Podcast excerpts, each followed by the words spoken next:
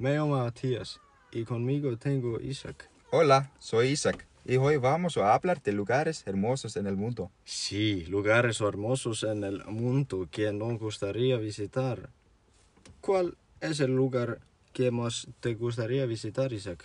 Ah, me gustaría visitar Grecia en el futuro.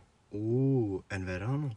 Sí, claro, es muy bonito y el clima allí es increíble en el verano. ¿Y tú? Me gustó mucho España y voy ahí en septiembre con suerte. Pero me gustaría visitar Medellín en Colombia y ver dónde vivía Pablo Escobar y mirar alrededor de la ciudad. Pero hoy, ¿sabías que la salsa es muy popular en Colombia?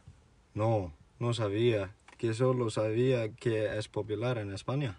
¿Sabes dónde se originó la salsa? Sí, es oregano río de Cuba y es muy popular en La Habana. Sí, eso es correcto. ¿Qué tipo de baile te gustaría aprender?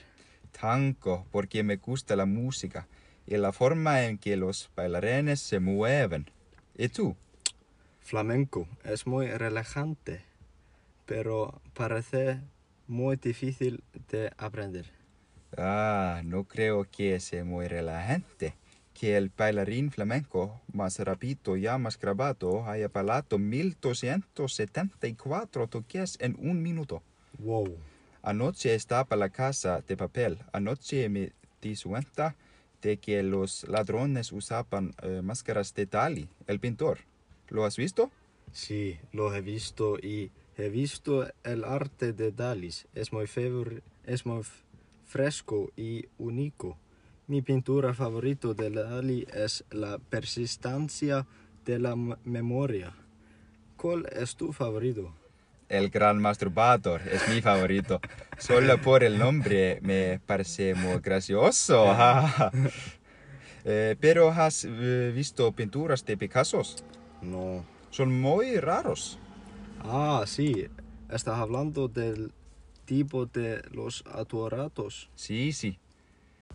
Sí, aprendí sobre él en la escuela y tuvimos una asignación para dibujar uno de sus retratos en clase. Está bien. ¿Sabes lo que vas a hacer después de graduarte en Flensburg?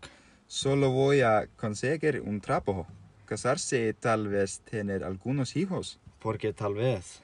Solo porque en el futuro la tierra tal vez solo se arruinará causa de contaminación. Y no quiero tener hijos en un entorno contaminado. Te mudarías a Marte si las cosas se ponen mal en la Tierra. Sí, probablemente. Creo que Marte es bastante genial, pero no sé cómo sería la vida en Marte. No creo que me mu- mudaría a Marte, no hay oxígeno ahí. Así que tendría que usar un casco a fuerte todo el tiempo.